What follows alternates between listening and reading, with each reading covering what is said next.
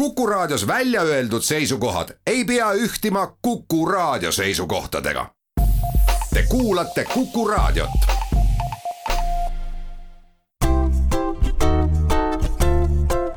patsiendiminutid, Patsiendiminutid toob teieni Eesti Patsientide Liit. tere, hea Kuku kuulaja eetris on Patsiendiminutid ja mina olen Kadri Tammepuu see nädal on toonud palju muudatusi Terviseameti töötajate hulka ja lisaks peadirektorile paneb pühapäeval ameti maha ka erakorralise meditsiini osakonna juhataja Martin Kadai. Martin ongi meil täna liinil, halloo, kas oled kuuldel? tervist! tervist, Martin! no koroonakriisi kõrgajal said sa endale külge tiitli koroonaviiruse esindusnägu Eestis kuidas on, et kas inimesed tunnevad sind tänaval või poes ära ka, et näed mõnikord silmanurgast, kuidas keegi oma kaaslast müksab, ütleb, et oo, vaata, et Martin Kadai läheb? jaa, mulle tundub, et, et on inimesi, kes äh, vist tunnevad ära, aga, aga mind ei ole keegi nüüd nagu tänaval kõnetanud või, või, või soovinud rääkida või küsida nõu või või avaldada oma arvamust, et äh, eestlane kindlasti on selles osas ka tagasihoidlik ja tagasihoidlikum kui, kui teised rahvad. aga selles suhtes tundub jah, et äh, mul on kuidagi eriline aura, et kui kuskil maailmas tekib uus nakkushaigus, siis oma, oma töö ja eriala tõttu olen pidanud alati olema siis esindusnägu, et ükskõik, kas me räägime linnugripist, seagripist, ebola viirusest, sika viirusest või nüüd siis koroonaviirusest olen pidanud siis olema sellel teemal nii raadios kui ka kaamera ees kui me tuleme koroonakriisi alguse juurde, siis või üleüldse kriisi juurde, siis inimesed jagunesid kahte gruppi, ühed olid siis need, kelle jaoks Terviseamet keelas ja käskis liiga palju. ja teised, vastupidi, need, kes ootasid, et riik pannakse rohkem lukku ja kiiremini lukku. päris alguses nuriseti vist rohkem sellepärast, et otsused ja soovitused tulid liiga aeglaselt ja olid liiga leebed. miks nii sündis? Kui nüüd rääkida päris algusest, siis tegelikult meie jaoks äh, muutus see sündmus tähelepanuväärseks jaanuari keskpaigas, kui siis rahvusvaheliste võrgustike äh, kaudu need esimesed äh, võimalikud ohusignaalid tulid, et Hiinas on lahti rullumas mingisugune uus võimalik ohtlik nakkushaigus ja meie esmane prioriteet sellel hetkel oli siis teha tugevalt teavitust inimestele. kõige rohkem me rääkisime tollel hetkel reisisoovitustest, äh, nakkusohutuskäitumisest, juhul kui Hiinasse on siis plaan reisida ja kui inimene on siis Hiinast tulnud, siis jälgida oma tervist. see on nagu asjade loogiline käik, et me peame olema nagu sündmustega samas tempos, võimalusel ka üks samm eespool. ma loodan, et paljud inimesed, kes jälgivad seda nakkushaiguste maailma, et see, mis juhtus, ei ole ju midagi erakordset, see on äh, tavapärane evolutsioon, tekivad uued äh, nakkushaigused, mõnikord need hääbuvad, mõnikord need äh, võtavad siis ikkagi ülemaailmse leviku mõõtme. noh, täna on jällegi leheveergudel uudis, et on tekkinud äh, Hiinas uus gripiviirus G4. et sellel ei ole midagi erakordset, sest neid tekib kogu aeg. aga vähesed neist saavad nii-öelda läbi murtud kui inimene millestki midagi ei tea, siis see tekitab hirmu ja ikkagi tundub, et need soovitused tulid veidi aeglaselt, sa ise oled ju lisaks Kaitseliidu taustaga ja on teada, et sõjas tuleb anda kiireid selgeid käske. näiteks Kalle Laanet, Kuressaare haigla nõukogu esimees, ütles, et tema oli väga häiritud, et Terviseameti soovitusi tuli oodata kaks-kolm päeva. kas neid otsuseid saaks kuidagi ka kiiremini teha, sest kriisis tundub ju kõigile iga minut topeltpikk pean ütlema seda, et tegelikult nakkushaiguse levik ei, ei ole selline kriis nagu näiteks masstrauma või mürgistus, et me näeme, et see kriis kestab meil äh, isegi aastaid kindlasti kestab see kuid. nii et, äh, et siin äh, teisipidi mina ütleks, et tuleb olla tasakaalukas ja mitte liialt rabistada no kui me räägime veel tõenduspõhisusest, siis üks asi, mis võis ühe tavalise inimese segadusse ajada, oli see, et ühel päeval räägitakse, et no näiteks toome, et ähm, maske pole vaja kanda. Rääkis seda siis WHO ehk Maailma Terviseorganisatsioon ja nüüd soovitab maske kanda, et kas see on ähm, kuidagi iseloomulik uutele nähtustele, nagu seda oli see koroonaviirushaigus Covid-19, et meil täna on ühed teadmised ja mõne nädala pärast äh, on juba teadlased tõendanud ära midagi muud, mis lükkab eelneva ümber? Siin ongi mõnes mõttes see paradoks, et inimesed tahavad saada hästi selgeid ja mustvalgeid lahendusi, aga paraku sellistel sündmustel neid mustvalgeid lahendusi ja lihtsaid lahendusi alati ei ole. ja näiteks äh, maskide kasutamine nüüd elanikkonna hulgas nakkushaiguse leviku tingimustes on üks see olukord, kus ei ole võimalik mustvalgeid asju välja öelda. ja tegelikult tänaseni ei tea, kas sellel on mingi reaalne toime sellele, et äh, haigus leviks elanikkonnas vähem või mitte, kui inimesed siis avalikus ruumis viibides või näiteks siis kas poes käies või ühistranspordis maski kasutades, kas see kuidagi mõjutab nakkuse levikut või mitte ja, ja sellepärast see segadus tegelikult ongi aga võib-olla peaks püüdma ikkagi võtta see aeg ja, ja öelda kui sa oled kinnises ruumis, kus on palju teisi inimesi, siis pane mask ette, kui sa kõnnid õues, kus mitte kedagi sinu ümber ei ole, siis ei ole vaja maski kanda.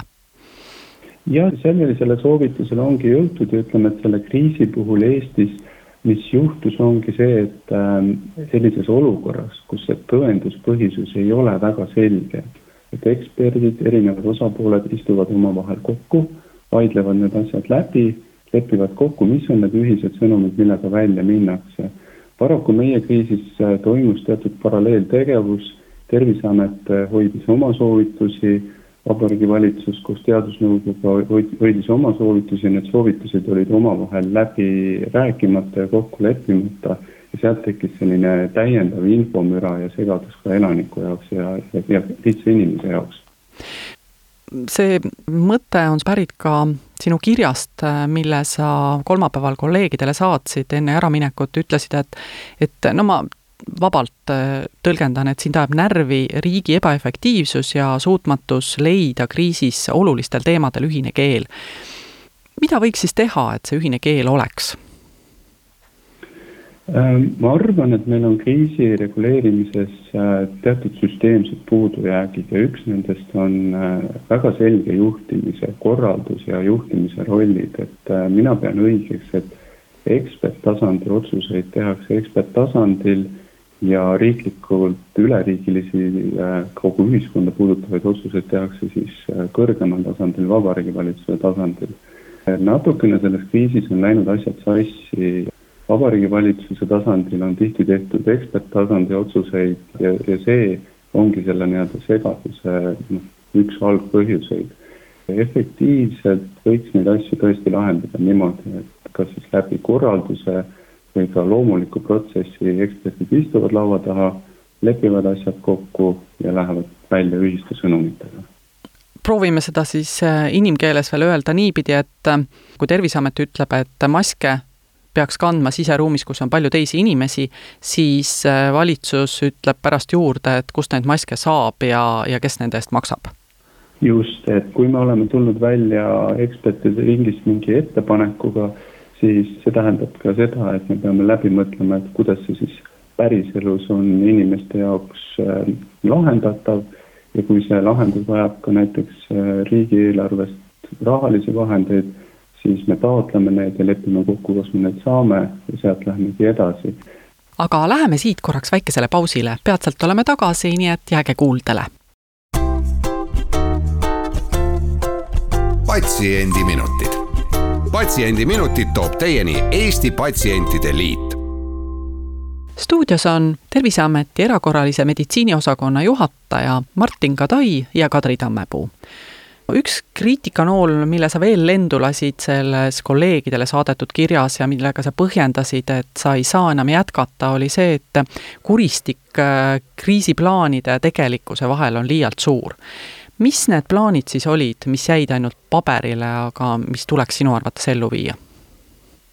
mida ma siin silmas pidasin ennekõike, on tegelikult äh, see, mis on kriisi reguleerimise põhialused ja hädaolukorra seaduses äh, ära nimetatud põhimõtted, et ähm, iga ametkond ja iga nii-öelda tasand lahendab äh, oma tasandi küsimusi. paraku selles kriisis olid asjad sassis. Teine põhimõte, millest väga kinni hoitud, on see, et kriisi lahendatakse võimalikult madalal tasandil. ehk et kui see on võimalik näiteks lahendada see küsimus ära haigla tasandil, siis ta lahendatakse haigla tasandil. kui ta ei ole enam haigla tasandil lahendatav, siis ta tuleb kõrgemale tasandile, tuleb riiklikule Terviseameti tasandile ja kui see juba on ikkagi nagu kogu elanikkonda puudutav küsimus, siis ta peab olema ka lõplikult otsustatud Vabariigi Valitsuse tasandil. veel kord me jõudsime selleni, et, et need juhtimistasandid, juhtimisrollid olid kuidagi selles kriisis sassis no miks nad sassis olid, kas neid oli vähe harjutatud või inimesed lihtsalt ei saa aru, kuna olukord on uus ja seal ei saagi midagi ette harjutada? ma näen siin mitut probleemi, üks probleem on see, et tänane õigusruum, tänane kehtiv hädaolukorra seadus vajabki ümbervaatamist, sellepärast et äh, eriolukord on tegelikult Eesti Vabariigi jaoks täiesti uus olukord, me ei ole seda kunagi taasiseseisvumisest välja kuulutanud ja neid juhtimisrolle Vabariigi Valitsuse tasandil ei olegi läbi lõpuni mõeldud ja selliseid plaane pole paika pandud. on olemas ametkondade tasandile plaanid, on olemas haiglate, kiirabipidajate plaanid, aga ei ole nähtud ette nagu konkreetselt ja läbi harjutatud, et äh, mis on siis see juhtimisroll Vabariigi Valitsuse tasandil. Et eriolukorras see juhtimisroll tekib, ennem seda seda juhtimisrolli ei ole. Äh, teine probleem on äh, tõenäoliselt ikkagi see, et äh, olukord kuidagi taandus isikute ja, ja, ja, ja võib-olla selliste isiklike emotsioonide tasandile, et ma ei näinud ka selles olukorras soovi seda lahendada, seda pundart siis ära lahendada ja, ja, ja, ja astuda siis omavahel dialoogi kas äh, võis olla ka natuke see, et ka poliitikutele oli ju tegelikult see olukord väga uus ja mõnikord äh, ongi ju parim kaitse rünnak? ja kindlasti see olukord oli kogu ühiskonnale uus. terviseamet ei ole kunagi sellist äh, hädaolukorda pidanud lahendama, tänane valitsus loomulikult ja ka eelnevad valitsused ei ole pidanud sellist eriolukorda lahendama kõigi jaoks ja, ja ka üksikinimese jaoks oli see täiesti uus olukord. lõppkokkuvõttes mina ikkagi vaatan seda esimest haigestumise lainet ja seda kriisi, mis nüüd on aktiivne, osa sellest on hetkel möödas, siis Eestil ei ole halvasti läinud. kui äh, ei oleks ikkagi segadust, kui ei oleks ootamatust, siis ei oleks kriisi, sest need ongi kriisi tunnused. aga paraku jah, kuidagi seda on hakatud siis nagu tagantjärgi lahendama ebasobivatel viisil kui nüüd need riskianalüüsid valmis said, siis sellest on ka räägitud, et raha oli samamoodi puudu. kas äh, oleks saanud äh, midagi paremini teha, kui raha oleks äh, sotsiaalministril rohkem välja võideldud selleks, et kriisideks paremini valmis olla? ja kindlasti, ega need puudujäägid, mis täna on tervishoiukriisideks valmisolekul, need ei ole tegelikult kuhugi kadunud ja kriisid on väga eripalgelised täna me räägime nakkushaiguse levikust, aga meil on väga erinevaid kriise. üks minu murelapsi on see, et meie haiglad ei ole täna piisavalt toimepidevad, et kui näiteks katkeb elekter, siis äh, paljud haiglad äh, raskete patsientidega satuvad keerulisse olukorda ja kui see elektrikatkestus on piisavalt pikk, siis äh, kogu ravitöö on ka häiritud see on näiteks üks küsimus, mida me oleme toonud pildile, taotlenud selleks raha, aga tänaseni seda lahendust ei ole, nii et, et kriisideks peab olema valmis nagu väga laiapõhjaliselt, et, et me ei saa kuidagi jääda kinni ühte konkreetsesse sündmusesse. kui ma rääkisin Merike Jürilooga, sinu endise ülemusega, siis tema ütles, et Eestis ei ole tegelikult täna ühtegi haiglat, kes oleks kõikideks hädaolukordadeks valmis jah, paraku see nii on ja, ja on asju, mis maksavad kohe väga kiiresti kätte, näiteks see, kui haiglal tõesti ei ole varugeneraatorit ja elekter katkeb, siis koheselt katkeb ka haiglas aktiivne ravitöö. siin ongi see küsimus, et me võib-olla ühiskonnana ka ei ole teadvustanud, et riskid ja võimalikud kriisid on, on olemas, need võivad tõeks saada ja nendeks peab valmis olema ja ma täiesti mõistan ka poliitilist tasandit, et kui ühiskond ei oota midagi, äh, siis poliitikul puudub ka ambitsioon sellega tegeleda. ja siin on tegelikult riigil jäänud tegemata tugev selline riskikommunikatsioon, et inimestele teadvustada, et riskid on olemas, nendega tuleb tegeleda ja nendeks tuleb valmis olla nii üksikisiku tasandil, nii ametkondade tasandil kui ka oluliste elutähtsate teenuste osutajate tasandil seal on ilmselt äh, see nipp, et et kui riik kõigepealt kulutaks raha selle peale, et äh, rääkida elanikele, kuidas kõik on tegemata, siis äh, lisaks sellele kommunikatsioonirahale tuleb välja käia ka veel pärast see kordategemise raha. et võib-olla peaks siin ka hoopis noh, näiteks Terviseamet rohkem rääkima ja selle, selle vajaduse inimesteni viima, sest tõepoolest inimene iga päev selle peale ei mõtle. aga kui me räägime veel kommunikatsioonist, siis mulle tundub, et rahvaga lihtsalt rääkimine tuli valitsusel paremini välja kui Terviseametil.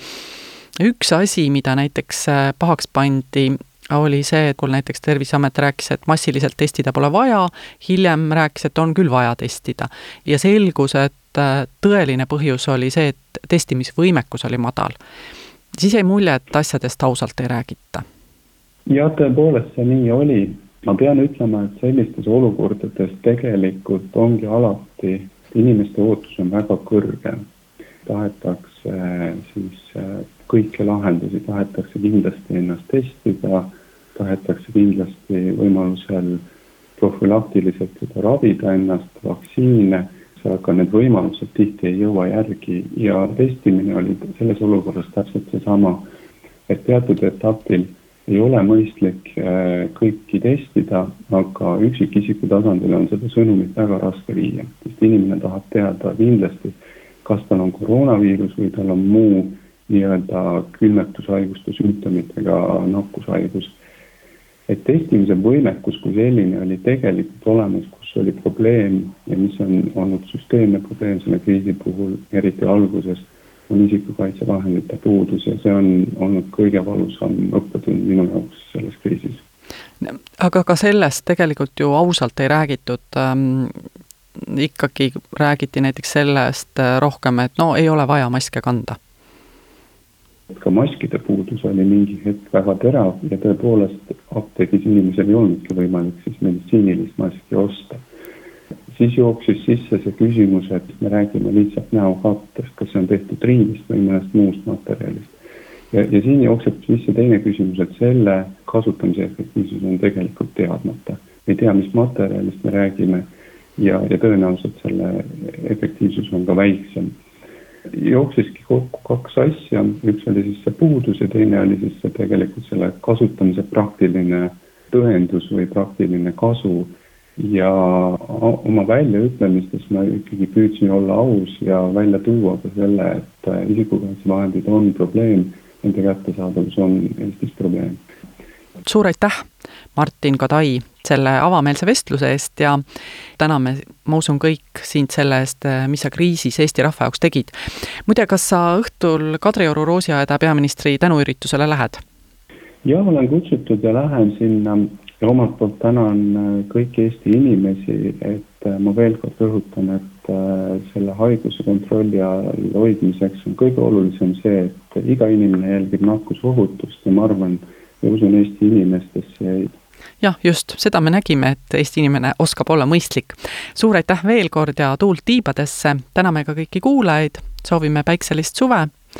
küsimusi küsis täna Kadri Tammepuu, kuulmiseni järgmisel nädalal ja seniks olgem terved. patsiendiminutid. patsiendiminutid toob teieni Eesti Patsientide Liit